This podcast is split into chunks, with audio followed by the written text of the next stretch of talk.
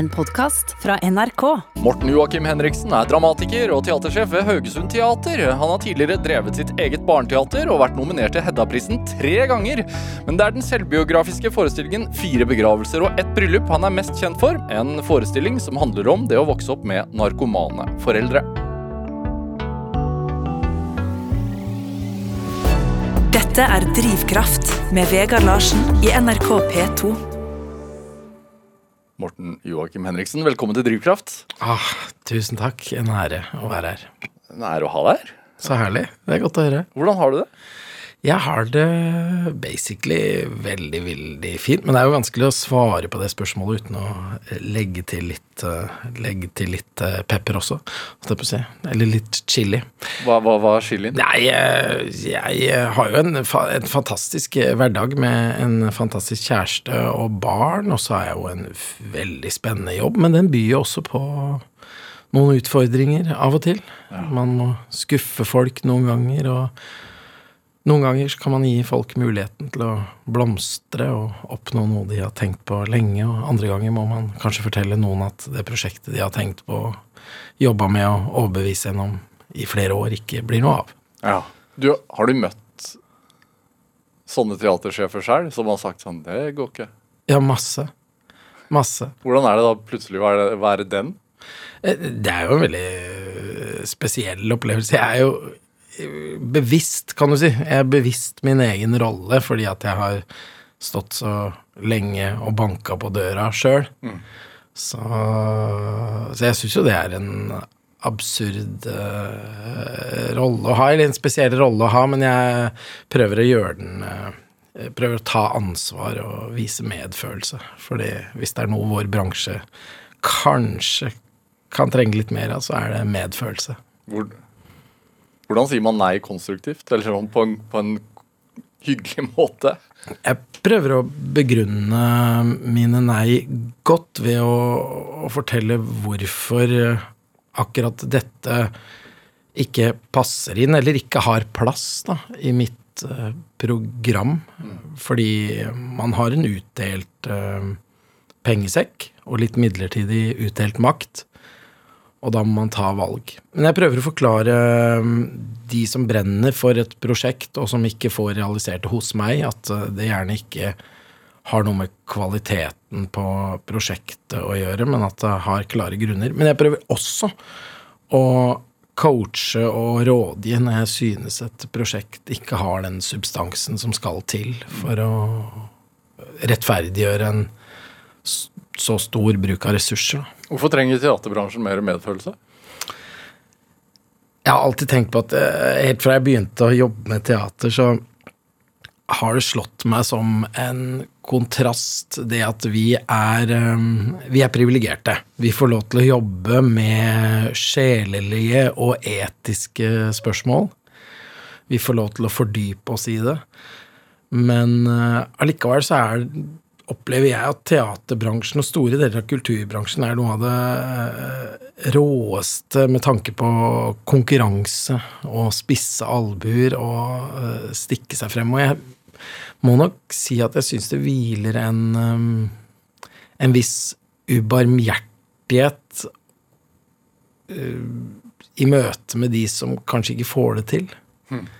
En, en arroganse og en Ja og en hovmodighet overfor eh, de som ikke får det til. Det være seg eh, tilfeldigheter, eller kanskje manglende talent. Mm. Men man er jo ikke dårlig menneske bare fordi man har et manglende talent. Eller et talent som kanskje de som har fått det til, ikke ser mm. i den perioden. Ja, Ovenfra nedholdning? Ja, det, det synes jeg. Jeg skal ikke hvile for mye øh, ved det, fordi øh, altså, man ser jo ting fra andre sider, og når vi er så privilegerte at vi får lov til å jobbe med øh, hobbyen vår, eller det vi brenner for, så, så, så, må man også steppe opp og levere, liksom. Men, øh, men jeg synes øh, jeg synes bransjen vår bærer preg av øh, en god dose arroganse, ja. Hva? Hvorfor er det arroganse? Jeg tror det er fordi de som vil jobbe med teater, de kjemper så hardt for å jobbe med det, og det er eh, Man realiserer en drøm, og når man først står der på toppen, så er man så, så er, så er man så stolt av det man har fått til. Og så tror jeg at eh, mange er redd for å miste posisjonen, og gjør, går ganske langt i å tviholde på sin sosiale posisjon i miljøet. Har du kjempa hardt? Ja, det vil jeg påstå. Jeg har kjempa målretta og systematisk. Dette er Drivkraft med Vegard Larsen i NRK P2. Og i dag er eh, teatersjef ved Haugesund Teater, Morten Joakim Henriksen, her hos meg i Drivkraft eh, på NRK P2. Det, eh, hvis jeg googler deg, så, så, er det noen steder det står eh, Morten Joakim Henriksen. Men det er i sammenhenger du bare bruker Morten Joakim også? Ja, det er egentlig litt morsomt. Eh, vi satte opp et stykke på Oslo Nye for uh, mange herrens år siden, lenge før jeg var i nærheten av å få betalt for å jobbe med teater. Jeg og en kompis, Tor Vetle heter han, um, som het Gud er en DJ, og så fikk vi kritikk i hovedstadspressen. Jeg tror det var Aftenposten, jeg husker ikke helt nå. Det drømmer man jo om. Uh, ja, ja, det var helt fantastisk. Den var ikke spesielt flatterende, den kritikken. uh, Nei, men altså, den var Den var Den, den anerkjente oss for forsøket, men syns ikke vi traff helt. Men så sto det 'regien var ved Morten Joakim'. Um, og så Det var jo bare en trykkfeil. Ja. Altså, Etternavnet hadde bare falt ut, men da sa kompisen min at Men Morten, ser jo litt tøft ut med sånn kunstnernavn, da. Og siden så beholdt jeg bare det, og så skrev jeg konsekvent Morten Joakim i alle mulige sammenhenger. Og det har jeg jo fått litt tyn for. Men, Hvorfor det? Nei, fordi det er jo litt sånn breialt å liksom kle seg med et kunstnernavn. Men poenget er at vi Du heter det, da? Ja, vi prater ja, ja, men jeg heter jo Henriksen òg, ikke sant. Men vi prater jo om det nå. Ja. Altså, Vi sitter jo her på Drivkraft og prater om det navnet. Men Så når du skriver selv, eh, så så kutter du ut Henriksen? Da? Ja, når jeg skriver og regisserer, så gjør jeg det. Ja. Fordi det har blitt en greie for meg. Eller et kunstnernavn. Og det har jeg fått litt sånn Folk erta meg for det, men da pleier jeg alltid å si ja, men du prater om det nå. men er det også fordi at det er litt to forskjellige roller? Nei, det har vært helt strategisk av meg, bare som en slags samtalestarter og, og en sånn merkevarebygging fra en fullstendig usynlig plass. Ja. jeg liker ærligheten. At, at, man tenker merkevare. Ja, det er, ærlighet er veldig viktig for meg. Ja. Bare prøve å ikke legge på det der filteret av Altså, vi vil jo alle fremstå som intellektuelle og spennende, men uh, det er noen sannheter som vi Ja, man vet svaret på veldig mye. Nei, så det har vært for å få litt oppmerksomhet. Ja. Mm. Det har du jo fått. Ja, masse. Det, du har vært um teatersjef ved Haugesund Teater uh, i fire år. Ja, i fem, faktisk. Ja, i, mm. fem, ja og, mm. og, er i, i, din andre periode. Nå går jeg inn i min andre periode, som er fire år. Ja, Så mm. til sammen da så blir det åtte eller ni? Eller? Det blir ni til sammen. Ja. Mm. Hvorfor liker du deg så godt i Haugesund? Uh, ja, jeg liker meg mest i Haugesund fordi jeg har fantastiske venner. Og så har jeg jo en uh, veldig utfordrende og veldig inspirerende jobb. Hvor stor er teatret? Eller hvor stort er det?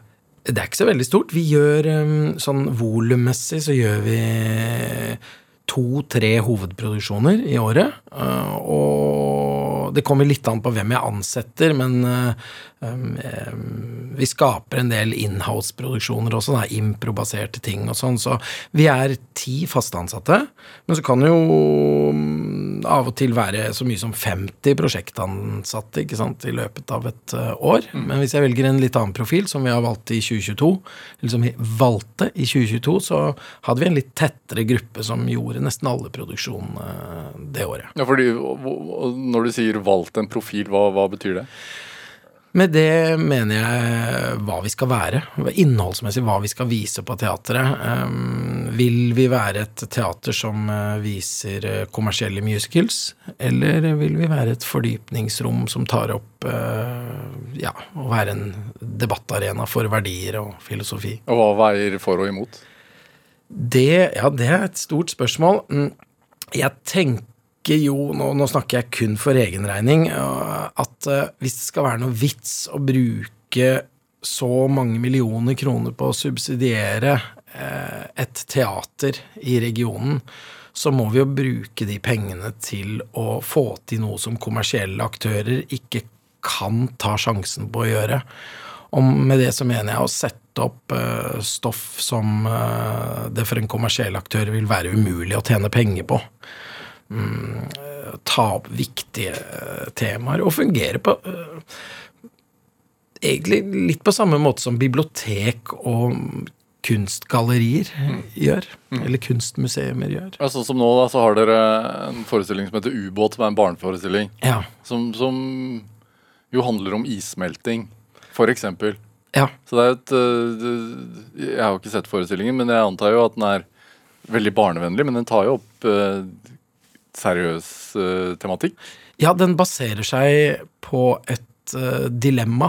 Det handler om eh, ei jente og faren hennes som blir stilt spørsmålet at hvis du fikk lov til å reise tilbake i tid, ville du da reddet jorda, eller ville du truffet mamma igjen?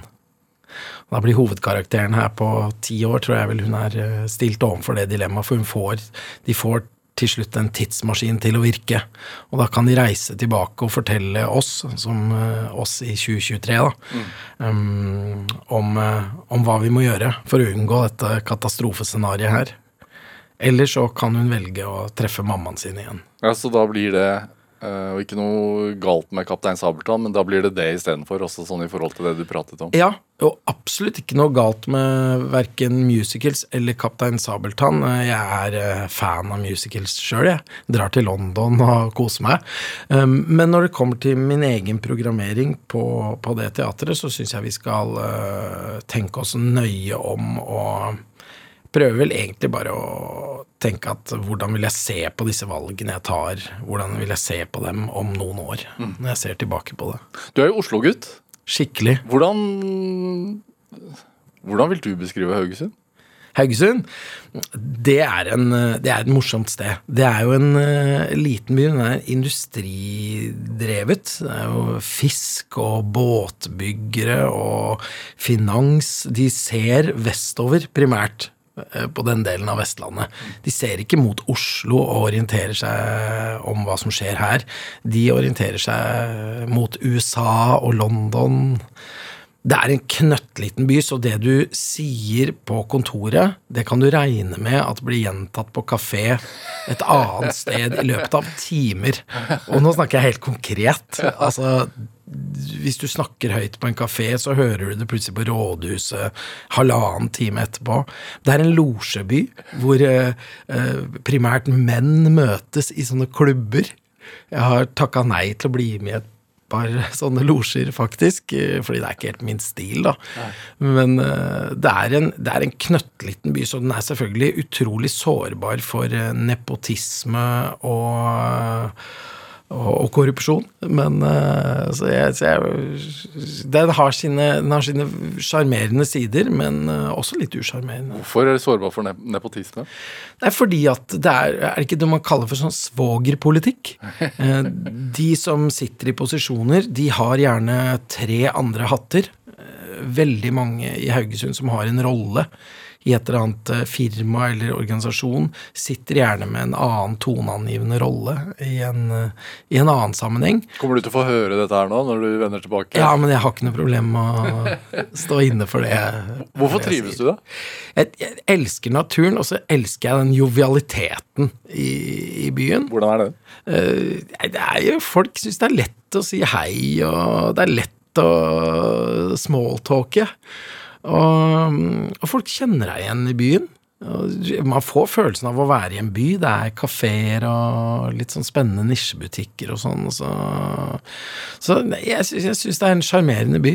Og så er det jo fantastisk at man bor i en by som har et institusjonsteater. Det er jo det er helt rått. Tenk for, et, tenk for en politikk. Hva, hva, hva har lokalbefolkningen altså på, på hvilken måte har de er de fem årene du, du har vært sjef, hvordan har teatret påvirka lokalbefolkningen, tenker du?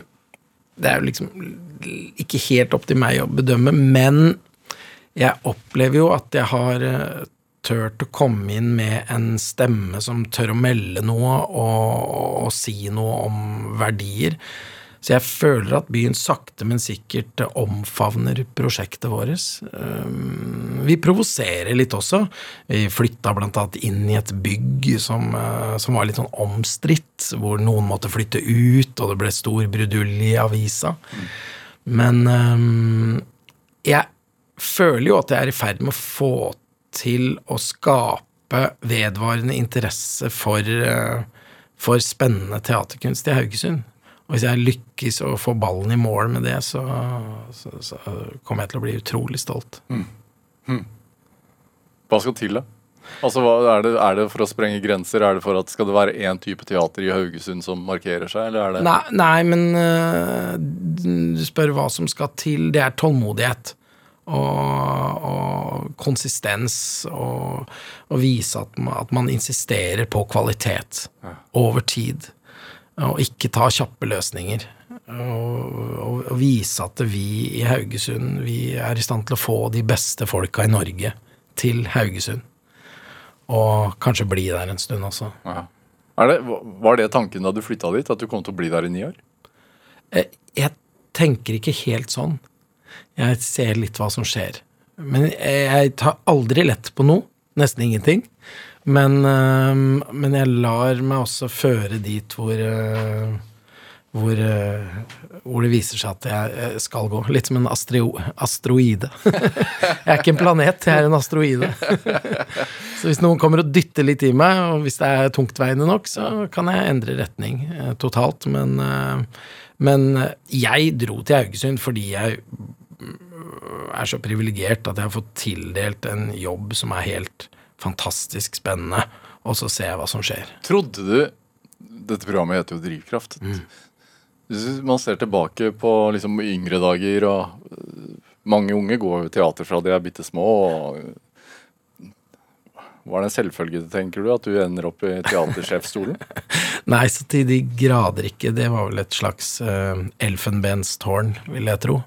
Um, jeg, min teaterinteresse oppsto vel ikke sånn på alvor før jeg hoppa inn i en liten rolle på folkehøyskole da jeg gikk på friluftslivlinja. Så ble jeg spurt om å spille Jeppe, noe jeg syntes var veldig pussig.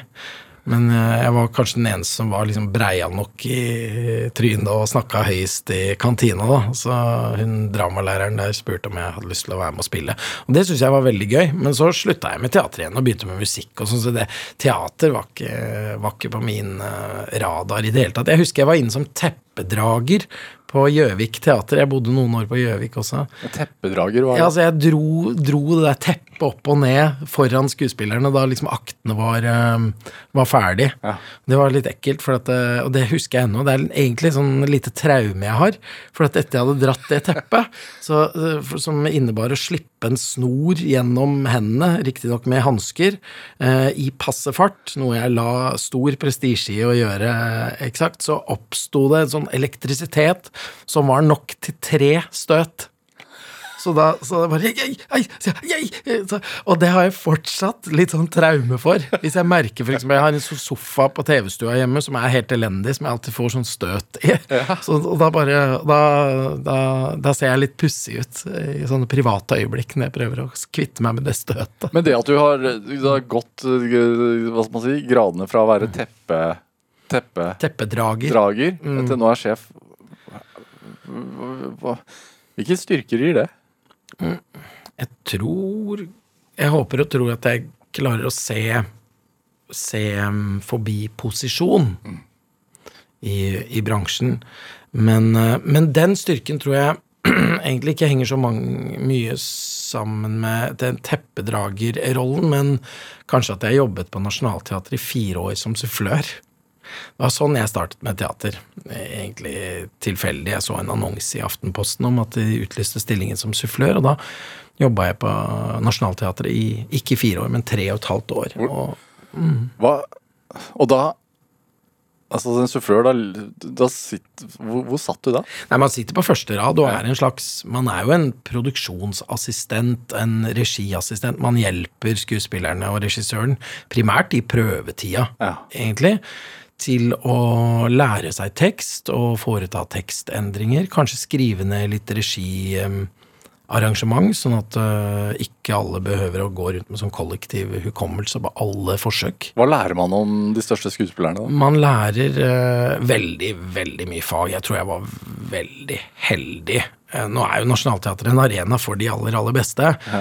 men jeg fikk altså jobbe med helt fantastisk fantastiske regissører. Marit Momaune, Runar Hodne, Alexander Mørk Eidem. Bare alle de beste. Ja. Og jeg er en svamp, så jeg satt jo og sugde til meg hver dag.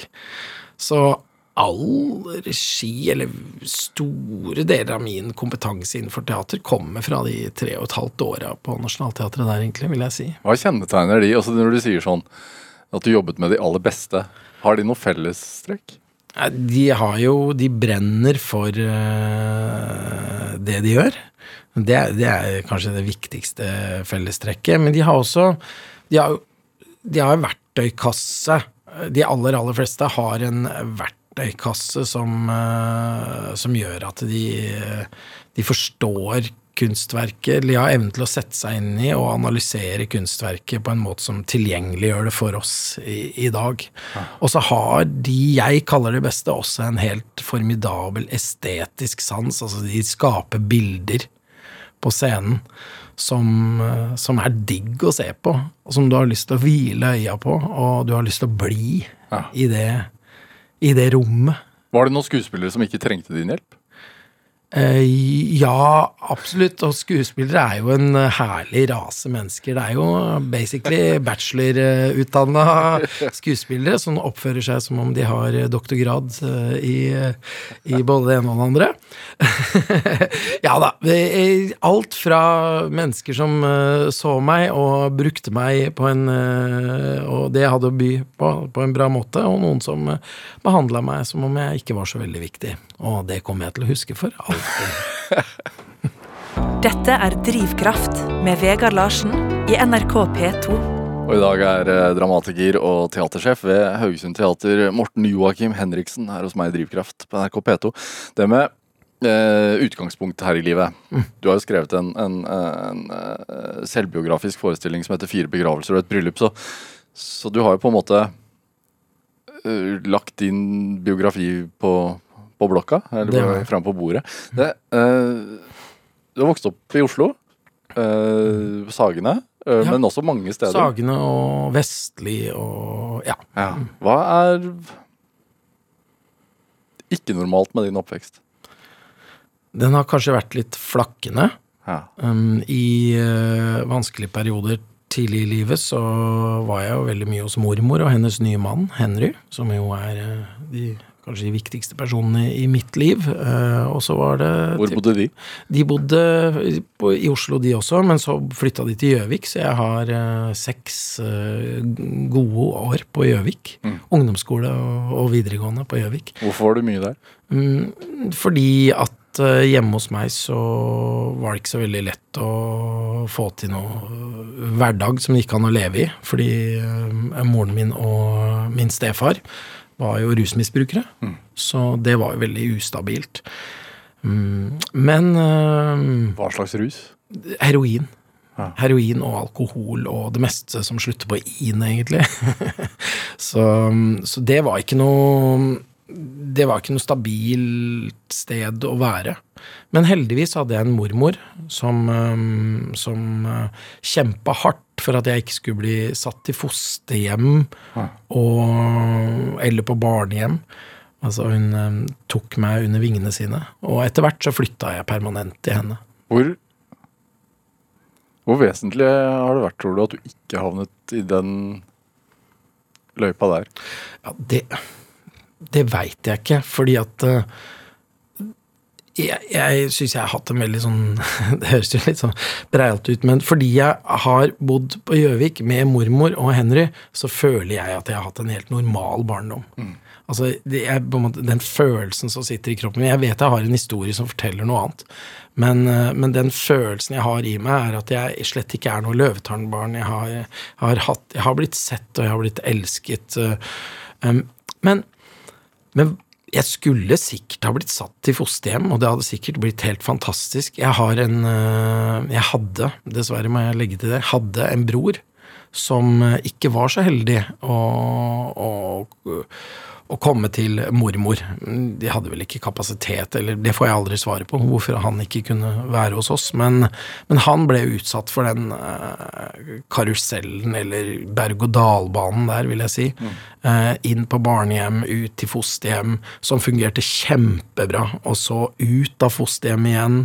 Uh, Blei vi kanskje med uh, foreldrene våre på et eller annet narkokollektiv, sånn derre avrusningsinstalt, og så uh, var det ut igjen, og så havna han i fosterhjem fordi de sprakk. Men hele tiden fikk jo jeg den redningsplanken med mormor, med han som var sånn sprettball rundt omkring i systemet. Og det endte jo, det endte jo dessverre med overdose, det også. Mm. Så jeg har skikkelig trua på Jeg beundrer de som klarer å sette av en så Jeg blir rørt når jeg sier det, som greier å sette av en så stor del av livet sitt at de kan ta inn et ekstra barn i familien. Det er jo helt Det er, det er stort. Er det? Du har jo skrevet om dette her. Mm -hmm. og fremført uh, det stykket med stor suksess. Og du, jeg veit du fremfører det ennå. Du skal fremføre det i morgen, f.eks. Ja, det skal jeg. Det jeg syns det er veldig gøy at jeg får lov til å spille det øh, fortsatt. Men mer enn gøy så spiller jeg det fordi at jeg føler jeg får lov til å komme til bords med en, med en med med et tankesett og en slags kognitiv måte å, å, se på traumer og, og, livet sitt på, for å komme seg videre over problemer. Hvem skal du, altså, hvor, hvor fremfører du det nå? Det er jo ikke på noen store teaterscener? Nei, unnskyld. Um, nå fremfører jeg primært for uh, næringslivsledere, faktisk. Og så fremfører jeg det gjerne for sånn kontakt kontekstbaserte seminarer som psykisk helsedager eller fosterhjemsforeninger ja. rundt omkring. Og i Drammen så er det ja, en del av det siste. Jeg skal være litt forsiktig med å si hvor jeg skal spille og sånn. Kanskje de Men hva er, hva er begrunnelsen? For eksempel at altså, Hvorfor vil de at du skal komme? Jeg tror kanskje at jeg setter uh, søkelys på på en uh, metodikk på hvordan man kan uh, ved tankens kraft helbrede seg selv, men så tror jeg også at jeg anskueliggjør at um, barn som vokser opp i uh, sånne hjem, ofte ikke synes så godt. Man uh, det kan, det kan, ligge mye bak mange skjebner. Jeg tror de Jeg, jeg syns det er nesten litt vanskelig å svare på. Jeg jeg gjør det kanskje litt lett å sette seg inn i en eh, ekstrem hverdag som kan være nyttig for mange å se. Hva sier de til deg etter du har fremført det? De sier at eh, eller vanlig, en av de vanlige kommentarene jeg får, er at selv om jeg ikke har hatt en oppvekst som din, så føler jeg at du har satt ord på noen ting som jeg kan bruke i mitt liv, og det gjør meg selvfølgelig lykkelig. Mm. Uh, Morten Joakim Henriksen, vi skal spille litt musikk. Uh, mm. og, og, du har jo med musikk eh, som du har skrevet selv. Uh, fra, fra, stykket. Hva er det vi skal høre? Vi skal høre tittelsporet på, på den forestillinga. Det må jo nevnes at den teaterforestillinga jeg har laget, den, den var ikke jeg, jeg, skrev jo ikke en teaterforestilling. Jeg satte meg ned og skrev en tekst fordi jeg hadde behov for å sette ord på ting. Og i den forbindelse så dukka det opp en del eh, eh, sanger som jeg allerede hadde skrevet til begravelser. Fordi hver gang noen døde i min familie, så så jeg det på, som min plikt å lage en sang til denne begravelsen. Eh, sannheten er at jeg kanskje brukte den arenaen til å liksom vise meg frem og vise at jeg hadde klart det, jeg hadde overskuddet til å til å skrive sanger om det, så kanskje var det eh, egoistisk. Men, um, men uh, alle sangene i forestillingen er faktisk fremført på begra i begravelser, og skrevet til begravelser. Så denne sangen her uh, summerer vel rett og slett opp um, opp mitt forhold til, til stefaren min.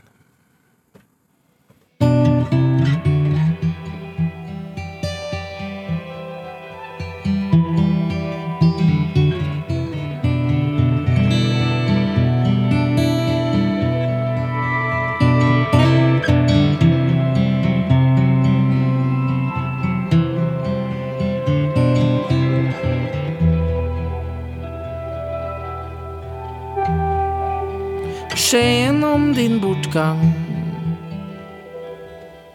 var tung å få. Og veien opp til kirken var vond å gå. Du fikk aldri sagt de aller siste orda. Nå er du minst en meter under jorda et sted.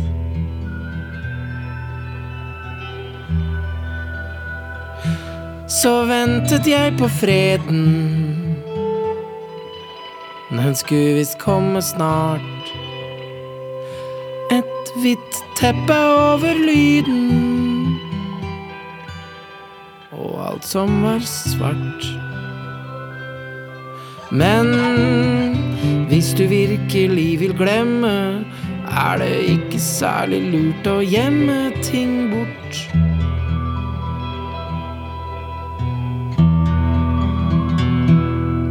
For alt som du gjemmer bort til rom som du til og med låser, det minner deg på hva du skulle ha gjort. Hele huset stinker av sorg hver gang det blåser. Beskjeden om din bortgang var tung å få. Og veien opp til kirken var vond å gå. Men jeg fikk sagt de aller siste orda. Nå svever de vel over jorda et sted.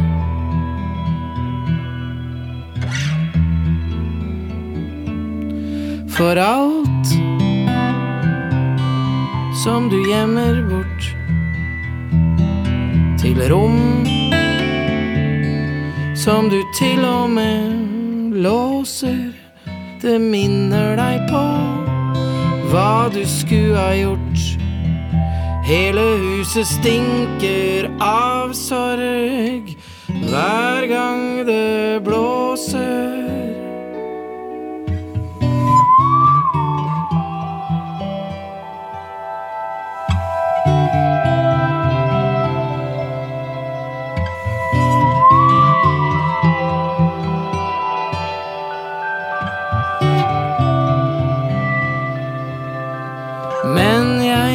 Fikk sagt de aller siste orda.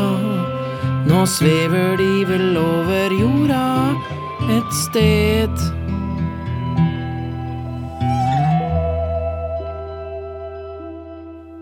Ja, du fikk eh, fire begravelser og et bryllup eh, av Morten Joakim her i Drivkraft med NRK P2. En låt vi spiller i dag fordi at Morten Joakim, eller Morten Joakim Henriksen, er dagens gjest her i Drivkraft med NRK P2.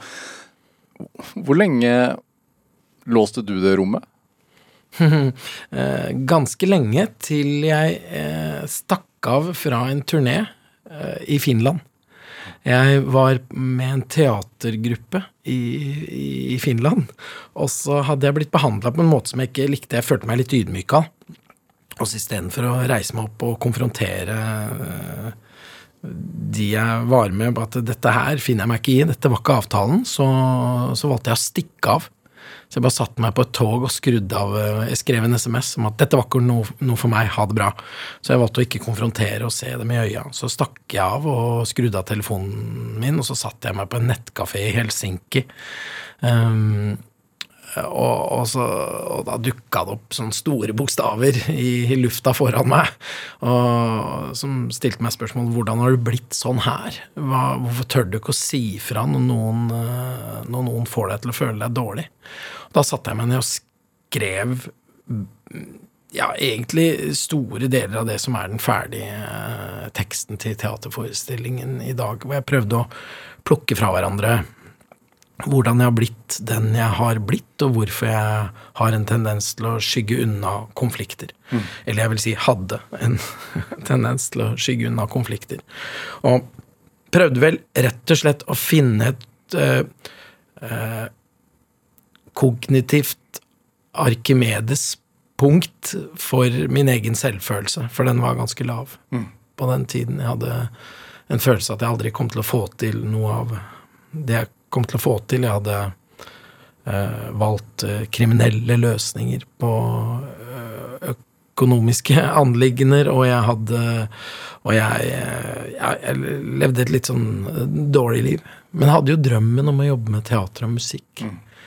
Da satte jeg meg ned og skrev og forsøkte å forstå hva er det som, er det som driver meg til dette her. Hva er å leve et dårlig liv? Å leve et dårlig liv, det er å lyve for seg sjøl. Og ta kortsiktige løsninger for å bedøve det som er det egentlige problemet. Så innebar eh, å Det Akkurat da så innebar det å f.eks. Eh, drive med narkotikasalg. Og drikke mye alkohol og og ja, og ikke, ikke, ikke forholde seg til det som egentlig var drømmen. Og det var å fylle livet med innhold. Men dette her var jo ting du hadde lært, på en måte. Ja, ikke sant? Um, jeg, um, jeg valgte jo på en måte en slags uh, Hva er det man kaller, kaller en sånn default? Menneskelig default-modus. jeg, jeg tror det lå hele tiden et, en, en spire til å ta seg sammen. Det er jo noen som sier om rusmisbrukere, noe jeg aldri har vært, for den saks skyld. Um, så, men, men eksempel rusmisbrukere, at no, noen av de, de som virkelig skal komme seg opp for godt, de må helt ned i kjelleren og være der en stund. Kanskje lenger enn det vi forstår at de kan være nede i den kjelleren. Før det liksom ikke er noe å hente, og så må de komme seg opp igjen. Hvorfor er det sånn, tror du? Ja, nei, det, det Jeg vet ikke. Bevisstheten er jo bare inni oss, uh, inni oss selv, og så finner vi, finner vi svaret. Og ja, tid er relativt. Det er det eneste svaret jeg har på det. det Hvor nede i kjelleren var det hos dere? og hjemme hos oss så var det så var det veldig ofte helt i kjelleren. Fordi um, Men det var jo det, det var um, i periodevis, fordi at min mor, Anne Grete, hun var jo et fantastisk utadvendt og sosialt vesen og var et stort forbilde for mange og en stor kapasitet på de stedene hun jobbet på.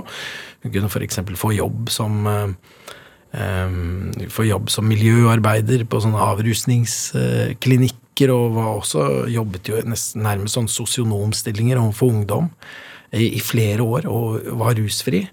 Og så kunne ta ti minutter før hun var anmeldt for tyveri av fem biler og innbrudd i en, hos en gullsmed, liksom. Og så dagen etter kunne jeg treffe henne på akutten. Så det var veldig sånn latent utrygt. Eh, Jeg pleier, pleier å si om moren min at eh, hun var et helt fantastisk menneske å være med, men komplett umulig å stole på. Hvorfor var det sånn, tror du? For henne? det er jo noe av det jeg skriver om i den forestillingen, at um, jeg tror grunnmuren hennes sprakk grundig da hun var liten igjen. Så det vi bedriver, og det, det beskriver Siri Nilsen så godt, og det er jo arv av sorg. Um, og jeg tror veldig mye av hemmeligheten ligger i, i bevisstgjøringen Hemmeligheten for å komme seg ut av sånne mønstre ligger i bevisstgjøringen om å bryte sånne familietradisjoner. Bryte den måten å løse traumer. Jeg har jo fått vite i forbindelse med da jeg skrev eh, teksten, så intervjuet jeg, eller snakket med, mange av de som har sittet i fengsel med moren min, f.eks., og gode venner opp gjennom åra, og de fortalte jo, fortalte jo om en del ting som moren min har opplevd, som er, som er bare helt sånn hårreisende. Da forstår man jo det menneskelige aspektet, eller man forstår hele mennesket, som jo tilfeldigvis hatt rollen å være min mor. Men uh, dette prøvde jeg å gjøre med alle menneskene rundt, uh, rundt meg i denne teksten. Og forstå hva er det de har opplevd som gjorde at de tok de valgene de tok. Fikk du lov til å være barn? Ja, ja, absolutt. Det vil jeg si. Jeg hadde så Jeg, jeg sitter ikke igjen med minnet om at jeg har hatt en veldig utrygg oppvekst. Jeg hadde et trøblete forhold til stefaren min, som jeg reparerte mot slutten av hans liv. Men sånn hovedsakelig så har jeg hatt masse ressurspersoner rundt meg som har sett meg, og som har henta meg ut i vanskelige perioder. Så jeg forbinder vel egentlig altså Når du sier barndom til meg, så tenker jeg en hytte i Etnedal, som mormoren min eide. Holder man Barn som vokser opp under sånne forhold, holder jo holder det vanligvis hemmelig. Gjorde du det? Ja, det gjorde jeg, fordi at øhm, vi hadde en uheldig opplevelse en gang jeg ikke holdt det hemmelig. Hvor vi hadde flyttet til en liten bygd på Hadeland. Og så busa jeg ut med dette her, at vi hadde opplevd det og det og det, og han, faren min har sittet i fengsel og alt mulig sånn. Ja. Og det gjorde at vi blei så hardt mobba på det stedet. Altså sånn steinkasting på ruta og Altså dere barna? eh, Nei, hele familien. Ah. Sånn virkelig sånn terror. Eh, så vi bodde der kun i elleve måneder. Og etter det så fikk jeg beskjed om at eh, du må være forsiktig med hva du forteller til omgivelsene. Mm, så, så jeg holdt dette hemmelig eh, stort sett for alle under hele perioden da jeg flytta til Gjøvik til besteforeldra mine permanent.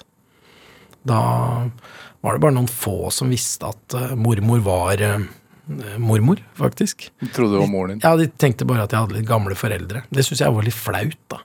Men, eh, men det var nå det det var, og det var, eh, og det var fint. Det var, var litt av noen typer, de òg. Er det? Men overlevelsesinstinkt kan jo være så mangt. Hva er ditt? Det er nettopp det. Det kan vel egentlig ikke beskrives noe bedre enn det. Det er overlevelsesinstinkt, og det transcenderer gjennom alt jeg gjør, tror jeg. Hele livet mitt. Bare viljen til å Viljen til å insistere på egen eksistens. Og, og klare å stå i det over tid. Og, og, men en av, en av de viktigste øh, si, egenskap, Jo, egenskap øh, er vel for meg å insistere på evnen til å gå ut av situasjonen og se ting utenifra. Hva er dette? Er dette sunt? Er det usunt? Eh, og på den måten distansere seg kanskje for den verste smerten i situasjoner. Men også å kunne se selvironisk på suksesser og hovmod og Ja. Det å gå ut av situasjonen og se det Se det i fugleperspektiv eller fra siden og le litt av det. Snu og vende på det og kikke under det. Er det, vanskelig? Mm. Er det, man, er det vanskelig å stole på folk? Nei, jeg hengir meg til folk. Men jeg har alltid bevissthet om at, uh, om at det ikke nødvendigvis bør vedvare. Men jeg har ikke så veldig store problemer med å bli slått ned, hvis du skjønner. Jeg har, jeg, har ikke noe jeg, jeg liker å tenke på at jeg kan reise meg fra ja, absolutt alt, egentlig. Forventer alltid at et slag kan komme, liksom. Ja, eh, jeg skal ikke lage noe sånt eh, melodramatisk rundt det, men det er en grunnleggende følelse at jeg i hvert fall ikke tar lykke for gitt, kan man vel si. Er det, er det en styrke i det også?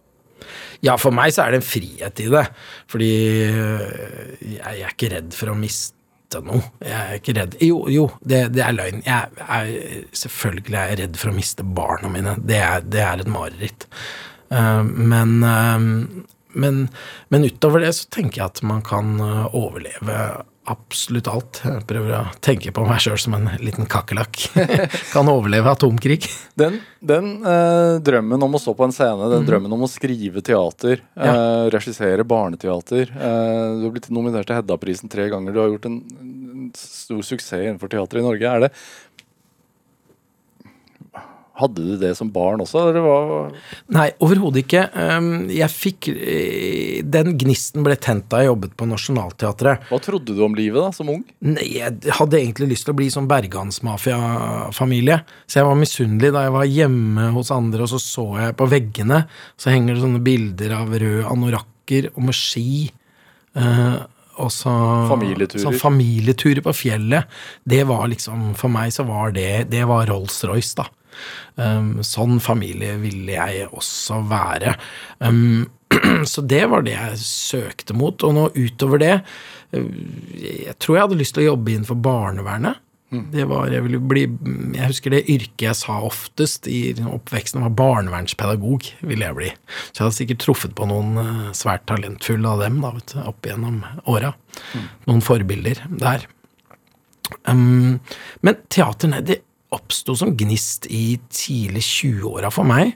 Og da jeg skjønte at jeg øh, ville prøve det, så starta det egentlig et øh, langt strategisk øh, arbeid for å få til å realisere den drømmen. Og det tok vel Ja, det tok meg sånn åtte år før jeg begynte å få litt betalt for å jobbe med det. Prøvde du å komme inn på skoler og sånn?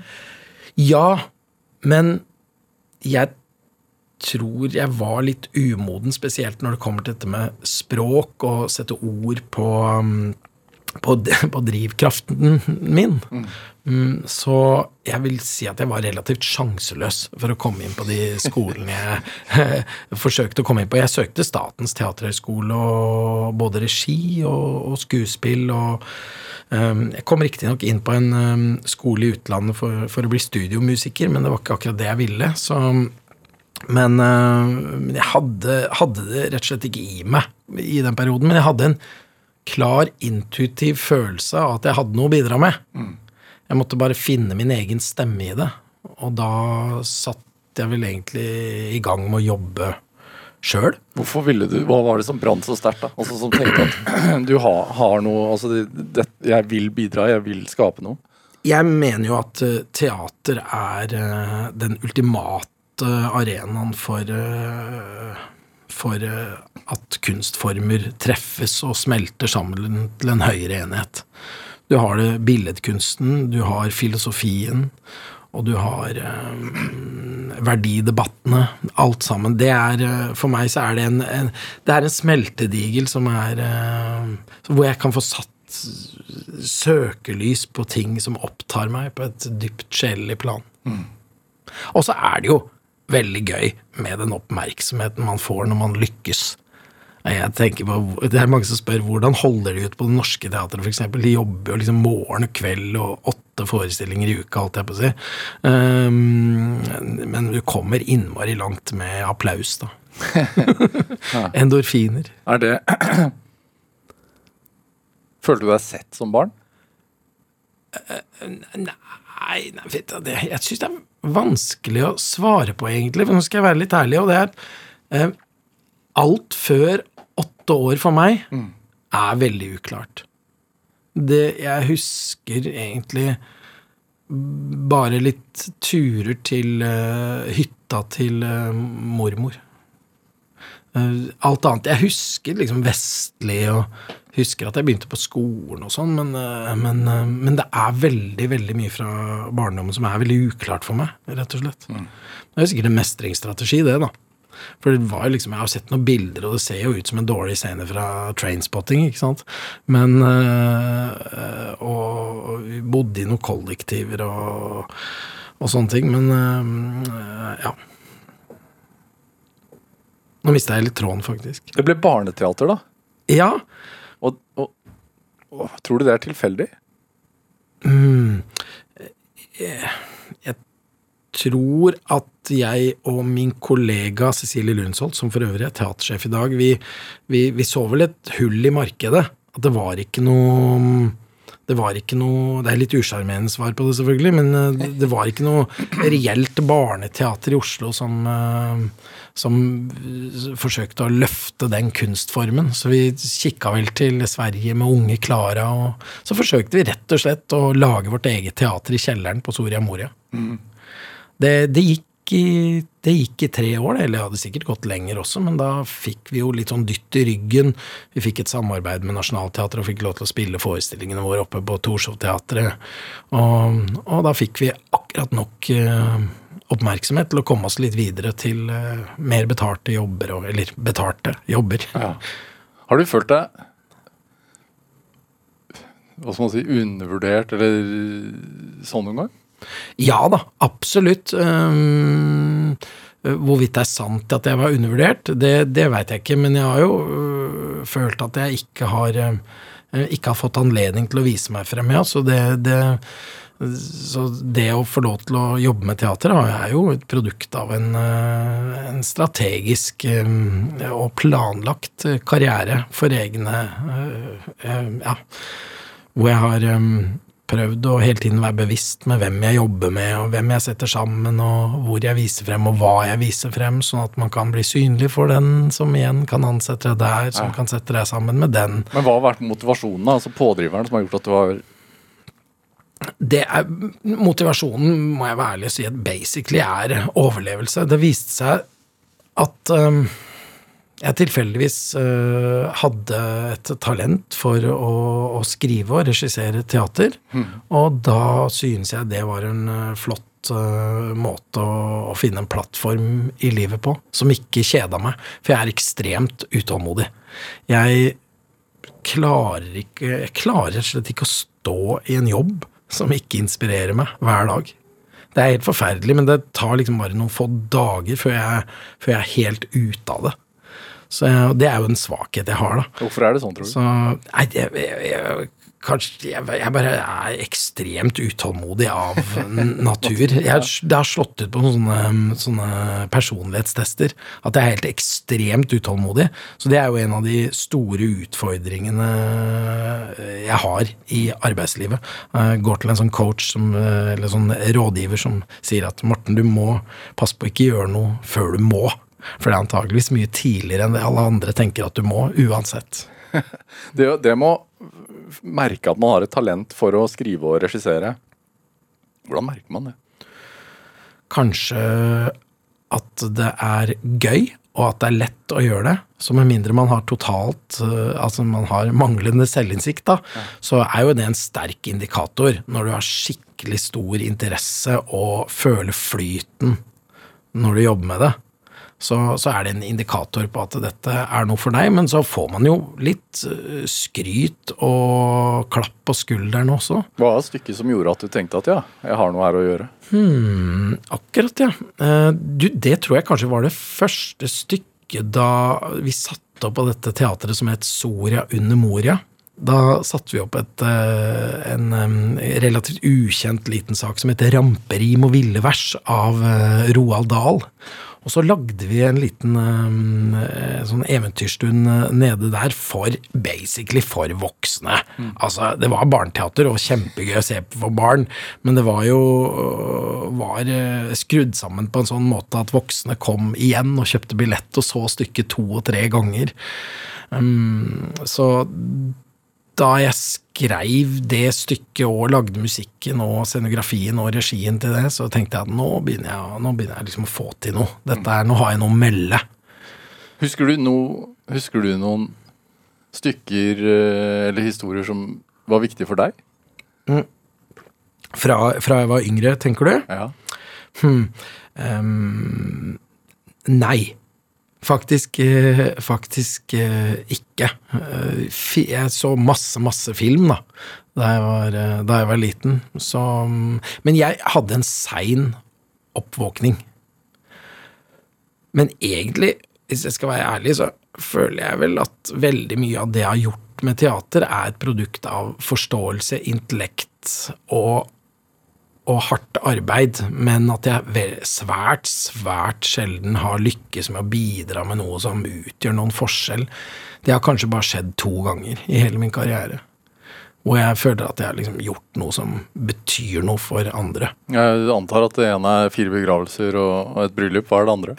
Det andre er nok det, er, det er to konkurrenter der. Um, jeg satte opp La den rette komme inn i, på Rogaland Teater i, for noen år siden, og det, det blei en eh, forestilling som jeg vet at mange trykka til sitt bryst fordi man så individet, altså den, den ensomme karakteren i det stykket på en eh, ny og spennende måte. Det handler om et ensomt barn. ja, Ja. det gjør det. Eh, og da la jeg, jeg la hele sjela mi. Jeg var oppe klokka fem om morgenen hver dag og, og jobba med det, med det stykket. Um, det, ja, det er en, en av de få aller ytterst få gangene jeg har følt at jeg kunne bidra med noe selv da, til teaterscenen. Sånn på ekte. Sånn virkelig skape noe som setter seg i minnet ditt, og som du kanskje refererer til seinere. Morten Joakim eh, Henriksen, hva, hva, tenker du er, er eh, drivkraften din? Drivkraften min, det er um, først og fremst overlevelse og revansj. Såpass ærlig må jeg være å si. Hva slags revansj? Revansj over uh, dårlig utgangspunkt og kanskje manglende tillit til at jeg skal få til noe. Men det er én ting, uh, og dette har jeg tenkt på, for jeg har jo visst at jeg skulle hit, og som, er, som jeg brenner for, og som, jeg, som driver meg, og det er gleden ved å skape arenaer der folk kan møtes. Det er ingenting som gleder meg mer.